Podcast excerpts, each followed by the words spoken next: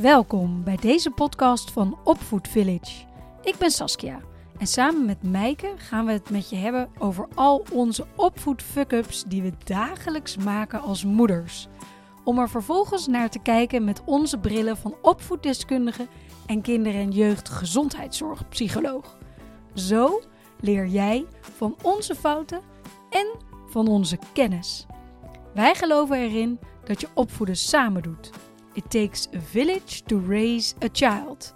In dat dorp zijn we graag jouw dorpsgenoten. Welkom bij weer een nieuwe aflevering van onze podcast, nummertje 36. Tegenover mij zit Meike. Goedemorgen, Meike. Goedemorgen. Goedemorgen. We gaan meteen van start in deze nieuwe aflevering met de fijne momenten. Wil jij hem aftrappen? Yes, yes. Onze jongste dochter die is een vervent duimer. Die uh, houdt enorm van duimen, maar Ja. ja, ze is nu vijf, dus uh, nou, we vinden eigenlijk daar moet je nu mee stoppen, want de hele kaakje gaat ervan vervormen. Dat kan je Ja. allemaal zien. Dus we hebben haar ook zo'n filmpje laten zien van, nou, dit moet, maar ja, dat interesseert haar natuurlijk helemaal niet. Nee, nee, het is veel Dus- te lekker. Ja, ze vindt het veel te lekker. Maar nu hebben we afgesproken dat ze dan pleisters om de duimen doet s'nachts. Want we Ah. hadden eerst één pleister, maar toen ging ze op de linkerhand duimen. Die deed ze Ah, gewoon. ze wisselde gewoon. Ze wisselde gewoon. Toen kwam ik er s'nachts in bij haar en toen lag ze met die andere duim in de mond. Ja. Ehm, dus toen hadden we ze allebei ingepakt. Maar toen maakte ze s'nachts toch nog steeds al die pleisters los. Eh, Hmm. eh, maar nu heb ik een manier gevonden waarbij ze ze dus niet meer los krijgt. Oh. Vanmorgen kwam ze naar beneden met twee van die duimen omhoog. Kijk, mam, ze zitten er allebei nog op. Oh, wat goed. En eh, ze was helemaal trots. En toen mocht ze een sticker plakken. Want we hebben afgesproken dat als dat, nou, ik weet niet hoeveel nachtjes goed gaat, dan mag ze een keer bij ons op de kamer slapen. Want dat wilde zij graag als beloning. Oh, Eh, ja, dus- wat dus- knap. ja, ze was helemaal trots. Maar dan doen we natuurlijk wel dat als ze gaat slapen, mag ze hem nu nog in. Dus we doen het met een tussenstapje. Ah. En dan plak ik de stickers zodra zij slaapt. Dus dan Ja, om half ja, acht in bed en dan om acht uur kom en dan is ze al helemaal eh, onder zeil. En dan plak ik eh, de stickers erop. Dus de volgende stap is dat ook. ja, vanaf stap het stap. begin. Ja, stap Yes. voor stap. Ja, ja ik, ik herinner het me ook nog hoor, dat mijn ouders het gesprek met me hadden dat ik ermee moest stoppen. Ja. Maar ik, ik weet, ik ben gewoon cold turkey. Oké, dan doe ik het niet meer. Bam. Echt waar? Ja, en ik vond dat lekker. Maar Duimen? weet- ja, Ja. dat Maar weet weet je dat als je duimt... Erg hè? Ja, maar als je duimt, dan drukt je duim tegen de bovenkant van je gehemelte. Ja. En daar zit een soort ehm, plekje waar je brein eh, rustig van wordt. Maar eigenlijk een soort van eh, te rustig.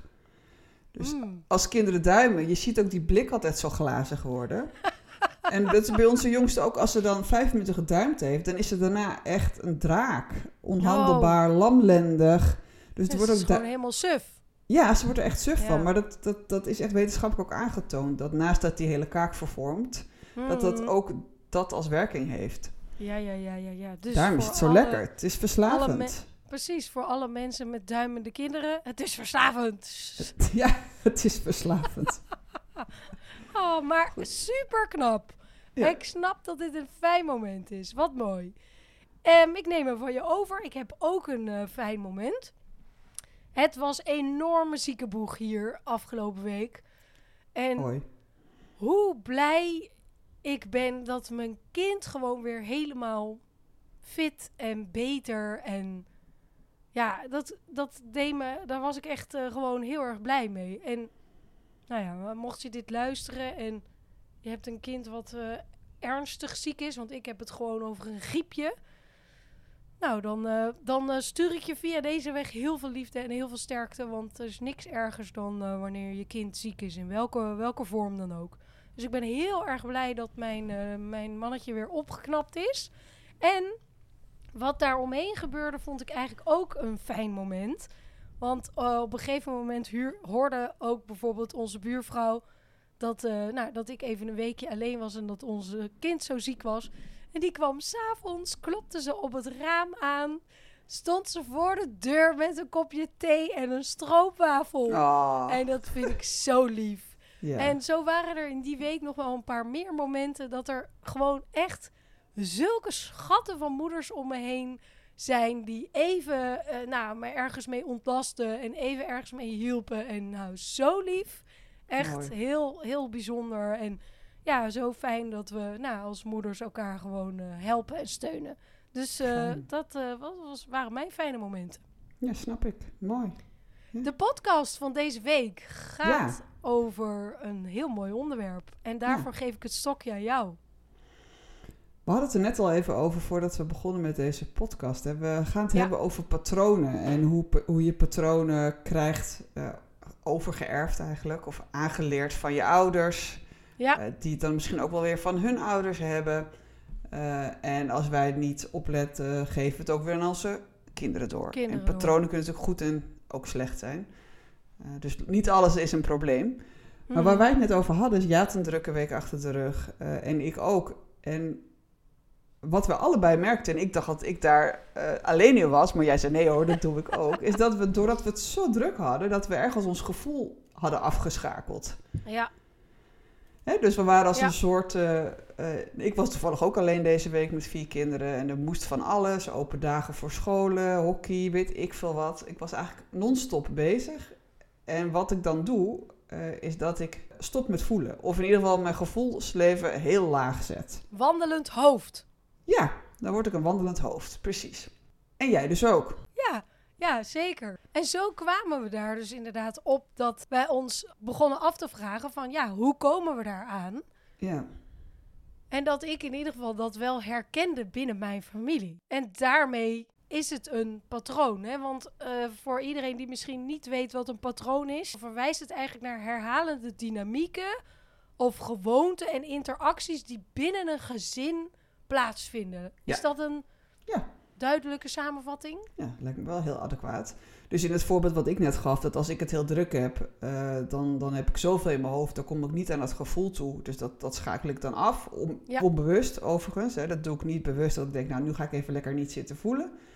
Maar dat is gewoon een mechanisme in mij en dat herken ik ook bij mijn moeder van vroeger. Als die, dat heel, die, als die het heel druk had, dan deed hij precies hetzelfde. Ja. Eh, dus ik word dan ook een soort van. Ik, ik voel het wel in mezelf, want ik word dan een soort van de drill instructor. en dan tolereer ik ook een stuk minder gedoe van de kinderen. Maar dat is natuurlijk ook allemaal emoties, kan ik er dan niet bij hebben. Dus dan word ik Mm. een soort van: dit is hoe we het doen en zo gaat het. En jij Ja. loopt in de pas met mij. En Tak, tak, lalalala. Ja, Als we tak, allemaal tak. in de pas lopen, dan komt het goed. Dan komt het goed. Is ook wel zo, maar dan al die emoties daaromheen, die eh, worden dan een soort van even niet zo goed aangepakt. En mijn moeder deed precies hetzelfde. Dat herken ik wel van vroeger. Ja, Eh, en als ik een, een, eh, generatie dan alweer verder kijk naar mijn oma, dan denk ik dat het daar ook gebeurde. Ja, die maar- generaties voor ons waren natuurlijk helemaal veel minder met emoties bezig. zeker. Dat bestond toch helemaal niet. Nee, Daar was ja, ook helemaal geen ruimte voor. Er was geen ruimte voor en die hadden natuurlijk allemaal veel te veel kinderen om überhaupt de hele tijd maar stil te staan bij alle emoties van je kinderen. Ja, nee, dat klopt. Maar eigenlijk wat wij, eh, wat wij hier ook doen, is een stukje bewustwording van dit patroon. Juist. Hè, bewustwording is dus dat je ziet wat er gebeurt. Ja. Je, Ja. je erkent, oh hé, hey, dit doe ik. Klopt. Want misschien kunnen we nog wel wat, wat, wat voorbeelden geven van patronen. Want dit is, een, dit is een patroon nou, die voor ons heel duidelijk is. Maar bijvoorbeeld andere patronen zijn eh, te veel eten. Of emoties met alcohol weg, wegdrinken. Slaan van kinderen. Als je dat als kind geleerd hebt, dat als je niet luistert dat je wordt geslagen. Dan ben je ook geneigd als ouder dat ook te doen. Of juist niet, hè. Of juist tegenovergesteld. Dat kan natuurlijk Ja. ook. Maar je ziet dat dit patronen zijn in families. Maar wat ook een patroon kan zijn, is dat het heel belangrijk is om je familie dichtbij te hebben. Dus dat je alles deelt met je familie. Hè? Dat zijn weer goede patronen. Ja, Dus patronen Ja. zijn echt niet alleen maar negatief. Daar waar wij het over willen hebben vandaag zijn de patronen die eigenlijk niet zo goed werken. ja, de negatieve patronen. De patronen die niet helpend zijn. Precies, precies. Dus bijvoorbeeld zoals wij doen, het beetje onderdrukken van onze gevoelens in een hele drukke week, eh, is eigenlijk een niet helpend patroon. Ja, het helpt Ja. je wel de week door, dat dan weer wel. Maar als je het op de lange termijn gaat doen, dan wordt het leven wel kaal, emotioneel gezien. Kleurloos. Kleurloos, emotioneel gezien, ja. Ja. Heb jij nog wat voorbeelden van een patroon? Wat je herkent bij jezelf of bij anderen? Patronen zijn er natuurlijk eigenlijk de hele dag door. Ja. Het is een communicatiestijl, kan het zijn. Het zijn de rollen die je hebt binnen een gezin, waardoor je in een bepaald patroon schiet. Het zijn er heel, heel veel. Ook de manier waarop je een conflict uh, benadert of uh, behandelt, zijn allemaal vormen van patronen. Want zo dus, heb je het geleerd thuis. Ja, want als jij je ouders op een bepaalde manier bijvoorbeeld conflicten of discussies hebt zien oplossen, dan denk je dat dat de manier is waarop je dat doet. Ja. ja. Terwijl er zijn honderd manieren om een conflict of een ja. discussie aan te gaan of op te lossen. Daar hoef je bijvoorbeeld in de basis geen ruzie voor te maken. Dat kan wel, ja. Maar het hoeft niet. Maar als jij hebt gezien dat je ouders daar ruzie over maken, dan denk je, oh, nou, zo doe je dat. Zo doe je dat, ja, precies. Nee, dat herken ik heel erg ook. Maar dat merk je ook vaak aan het begin van een relatie, hè? dat je allebei komt uit, an, hè? dat je allebei andere patronen hebt en dat je daarmee iets gezamenlijks moet gaan creëren. Ja. En dat kan heel erg ver van elkaar afstaan. Ja, dat kan enorm verschillen. Ja, zeker. Ja, maar patronen hebben de neiging dus om zich te herhalen binnen, ja, binnen families.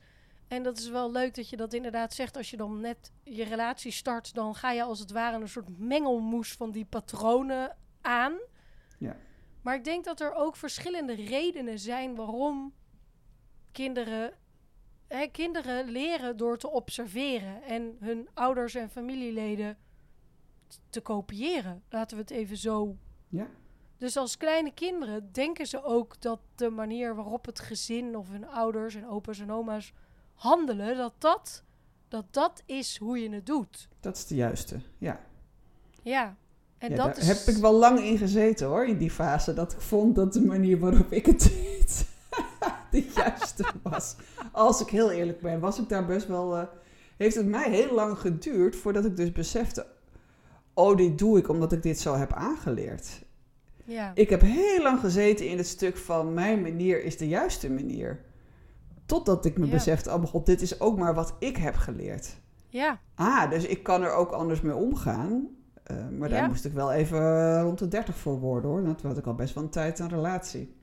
de hersenen van een mens zijn rond hun 28ste volledig ontwikkeld. Zeg ik dat goed of vergis ik me met 24? Ja, v- 24 dacht ik, maar goed, een paar jaar. Ja. Misschien bij de een wat later dan bij de ander. Daarna kan je dat soort dingen ook veel makkelijker gaan observeren. Ja, en ook omdat je dan losser van je ouders staat. Ja, En helemaal als er dan weer een nieuwe generatie komt, dan zie je opeens hoe jouw ouders met jouw kind omgaan. En dan denk je, oh ja, dat deden jullie bij mij heel anders. Of oh, zo deden jullie dit bij mij ook. En dan word je Ja. je denk ik pas extra bewust van patronen. Dus misschien is het ook wel makkelijker om de patronen te zien als er een nieuwe generatie is.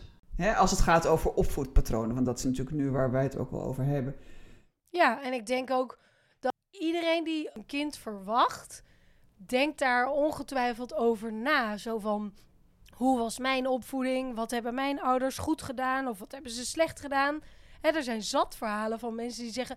nou, maar mijn ouders deden het zo en zo ga ik het echt niet doen, hoor. Ik ga het helemaal anders doen. Ja, totdat je een keer uit je slof schiet en je dezelfde dingen zegt als je moeder altijd zei. En dat is dus zo interessant, want daar zitten dus die patronen. Ja. Patronen is, is grotendeels onbewust gedrag wat getriggerd wordt doordat er iets specifieks gebeurt. Een automatisme. Hè? Ja. Iets wat Ja. gebeurt zonder dat je er zelf grip op hebt. Daarom is het ook zo interessant om ze te ontleden, wil ik haast zeggen. Precies, daar wilde ik ook inderdaad heen. Dat wou ik eigenlijk net zeggen. En daarom heb je er dus bij al die dingen waarvan je zelf denkt als ouder, jeetje, ik schiet daar elke keer in. Ik wil dat eigenlijk niet, maar toch overkomt het me. Toch gedraag ik me op een bepaalde manier die ik herken van mijn vader, mijn moeder, mijn oma, mijn opa. Nou, Ja, Ja. waarvan je denkt, oh ja, dit zit echt in de familie en het lukt me niet om het anders te doen. Dan heb je te ontleden. Ja. En dan heb je te zien, oké, wat is het patroon? Wat is wat ik doe? Mhm. En waardoor word ik getriggerd? Is de oorzaak. Hè? Wat gebeurt er waardoor je die reactie geeft? Precies, precies. Ja, dat van jezelf te gaan zien. Ja. Eerst zie je, dit doe ik. En, dan ga je, en daarna ga je proberen te ontdekken, ah, hierdoor gebeurt dat. En meestal, 9 van de 10 keer kan je wel zeggen, wordt er iets getriggerd wat emotionele of mentale pijn geeft. En soms op een niveau waar, waar je het eigenlijk ook nog niet zo goed begrijpt. Bijvoorbeeld, ik kan wel een voorbeeld van mezelf geven. Toen onze oudste klein was, Ja. eh, nou laten we zeggen dat ze peuter was, was ze al, nou ja, altijd overdreven. Niet zo- Altijd. Altijd. Altijd. nee. Maar ze was, laten we zeggen, extreem autonoom. Dus ze wilde zelf de regels bepalen en ze liet zich niet zomaar iets vertellen. Hmm. Eh, ja. en ze ging ook niet zomaar doen wat ik zei. Dat, en dat werd op een gegeven moment een enorme strijd bij ons. Dat Ja. ik dacht, ja, hoe- kan ik nou met een kind van drie nu al mij zo persoonlijk aangevallen? Oh, ze doet het expres om mij. Nou goed, dat, Nee. ik wist heus wel dat die gedachten niet klopten, maar dat kwam Mm. wel omhoog. Dus ergens in mij had heel veel moeite met haar haar eigen autonomie te geven. Ja. Eh, en toen ben ik dus zo eh, even terug gaan kijken. Dan denk ik, ja, dat kwam ook in mijn eigen opvoeding eh, wel naar boven. Jij, en- kon, jij mocht ook niet per se bepalen hoe het ging. Ik mocht helemaal niet bepalen hoe het ging. Dat was natuurlijk in, Nee. toen wij opgroeiden, hadden we natuurlijk over het algemeen een stuk minder te zeggen dan onze kinderen nu. Ja, En zeker. ja, dat was wel lekker helder en overzichtelijk. Nee, er was helemaal voor mij geen ruimte om, te, om, om zo mijn, op mijn eigen autonomie stuk te doen. Want mijn moeder, ehm, dat was ook de tijdgeest. Hè? Dus ik neem mijn moeder Ja, hier niks zeker. in kwalijk. kwalijk. Eh, maar dat werd bij mij gewoon de kop ingedrukt. Ja. Nou, dat heb ik En- later op allerlei andere manieren dan weer wel eh, genomen. Dus een van de redenen waarom ik voor mezelf werk, is dat ik eh, heel fijn vind Autonomie. oh, ja, om zelf te kunnen bepalen. Ja. Maar pas toen ik dat zag, dat ik dacht, ah, maar mijn kleintje van drie heeft dat ook. Die wil ook heel graag zelf bepalen. ja. Ik wil ook heel graag zelf bepalen. Maar ik, ik kon dat niet. Nou, de generaties van mijn moeder en mijn vader, eh, die konden op die leeftijd natuurlijk, eh, moesten allemaal keurig in de pas lopen. Dus, ja, zeker. dus, dus dat is generatie op generatie, is dat stuk eh, bij ons gewoon gedempt. Ja. Maar pas toen ik dat kon voelen en dat ik dacht, oh ja, maar het is voor mij dus super belangrijk om autonoom te zijn. Oké. Vond ik dat, ging ik dat zelf doorvoelen, die emotie. Toen dacht ik, oké, nou ja, dan moet ik dat ook haar deels gunnen. En dat betekent niet Ja. dat zij de hele, dat mijn, mijn kleintje van drie de hele opvoeding overneemt. Maar wat we doen is eigenlijk hetzelfde, alleen dan in de mini-variant. Hmm. Ja. Ja. Ja. Maar ik reageerde zoals mijn oma op mijn moeder en mijn moeder op mij reageerden. Ja. Herhalende familiepatronen. Precies, perfect- precies. Ja, dit Ja. is het voorbeeld ervan. Ja, dit is een Ja. mooi voorbeeld. En, al zeg ik het wel. Zeker, zeker. Maar daarom kon ik vanaf dat moment anders omgaan met die autonomie-issues van haar. En kon ik er bij mijn volgende drie kinderen om lachen. Ik Ja. bedoel, het is niet altijd mooi. makkelijk als kinderen zulke sterke autonomiedrang hebben. Maar kon ik het wel beter zien voor wat het was. En nam ik het al helemaal niet meer persoonlijk. Dacht ik, het heeft niks met mij te maken. Dit heeft alles met hun eigen autonomiestuk te maken. Dat is wel inderdaad heel mooi dat je dat zegt. Want het is inderdaad niet persoonlijk. Dat hebben we in voorgaande podcasts hebben we het daar ook al eens een keertje over gehad. Misschien kunnen we het zelfs wel breder trekken. Het opvoeden van een kind en de gekke dingen die daarbij komen kijken is niet persoonlijk. Nee. Het is de ontwikkeling van je kind die het doormaakt en die, ja, wat erbij hoort. En wij zijn belangrijk daarin, heel. Maar het gaat niet over ons. nee. En dat is zo'n. Dat helpt denk ik heel erg. Dat is een helpende gedachte in allerlei van dit soort situaties. Nou, en wat er dan ook gebeurt, als je op zo'n moment kan beseffen, oké, we dreigen in een strijd te raken. Dat Ja. ik denk, oh ja, dit is haar autonomie stuk. Wat er dan eigenlijk automatisch gebeurt, omdat ik dat patroon ken van mezelf. Ik, doe het nog steeds wel eens, het is niet dat het hele patroon nu weg is.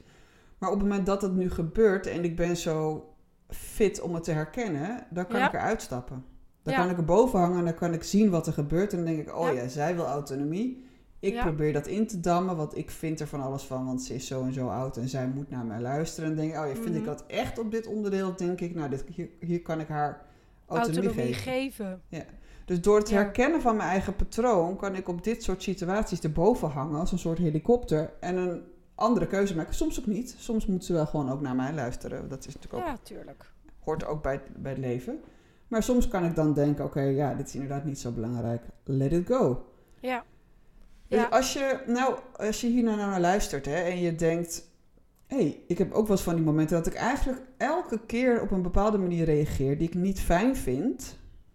Mhm. Dan is stap 1 om te, om te ontrafelen, oké, wat zijn de momenten waarop jij reageert, waarop je niet wil reageren? Zit daar een patroon in? Stap 1 is bewustwording. Dus het Ja. identificeren van het patroon die zich herhaalt. Precies. En daarmee goed. kijk je naar jezelf en wat er precies gebeurt. En daarmee kijk je ook naar de triggers. Wat wordt er getriggerd? Ja. Eh, bij mij werd dat autonomie stuk getriggerd. Dus wat wordt er getriggerd? Wat vind ik hier lastig? Wat mag er niet zijn? Dat zijn dat soort vragen die je jezelf kan stellen. En dan Ja. de derde stap is eigenlijk denken: oké, maar wat vind ik hier zelf eigenlijk van? Hè? Als ik dus reageer vanuit mijn patroon, dan doe ik het zoals mijn moeder, mijn vader, mijn opa en mijn oma. Dan gaat dat gaat soort van automatisch. Maar wat is nu mijn idee hierover? Ja, hoe zou ik willen reageren? Hoe zou ik willen reageren? Nou, en dan heb je dus een optie, optie A en optie B. En, Ja. ehm, en kan je daarmee gaan oefenen. En dat gaat natuurlijk niet de eerste keer goed meteen. Misschien wel Nee. de eerste keer, maar dan niet zo dat het de eerste tien keer goed gaat. Dus dat heb je jezelf elke keer weer opnieuw te bedenken. Oké, ik wilde hier anders in reageren. Niet meer vanuit het patroon. Ja. Eh, en dan achteraf evalueer je dat met jezelf. Is het gelukt? Hoe had ik het anders kunnen doen? Nou, en dan begin je weer opnieuw. Dus gewoon echt inslijten. Realistische doelen daar ook in maken voor jezelf. Ja. Het is een verandering en een verandering gaat niet van stel op sprong. Dus het is belangrijk om kleine haalbare stappen te zetten.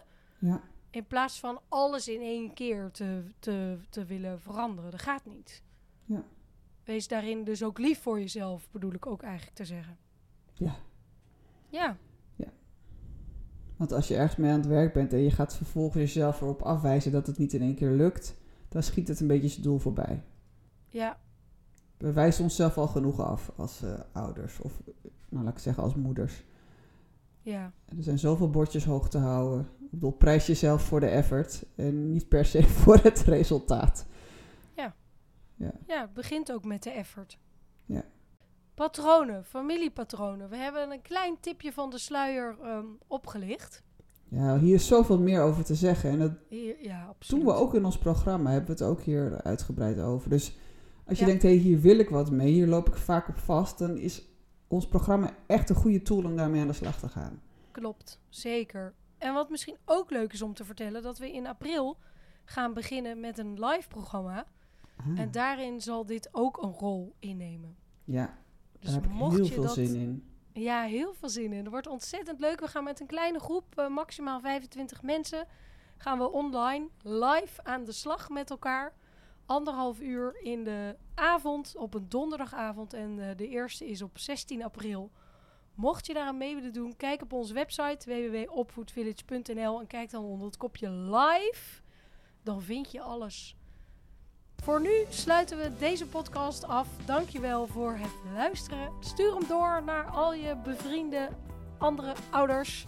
Die hebben hier vast ook wat aan, want ons leven staat er bol van, van die patronen. Voor nu, dankjewel voor het luisteren en volg ons op onze socials en like deze aflevering. Tot de volgende! Tot de volgende!